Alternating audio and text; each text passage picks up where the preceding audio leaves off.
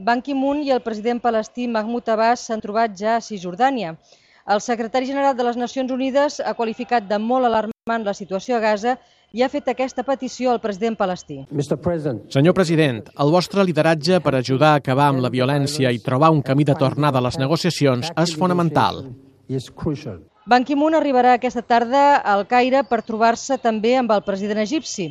El mateix recorregut que està fent la secretària d'Estat nord-americana, Hillary Clinton, en un intent in extremis de salvar el fins ara fracassat acord d'alto al foc.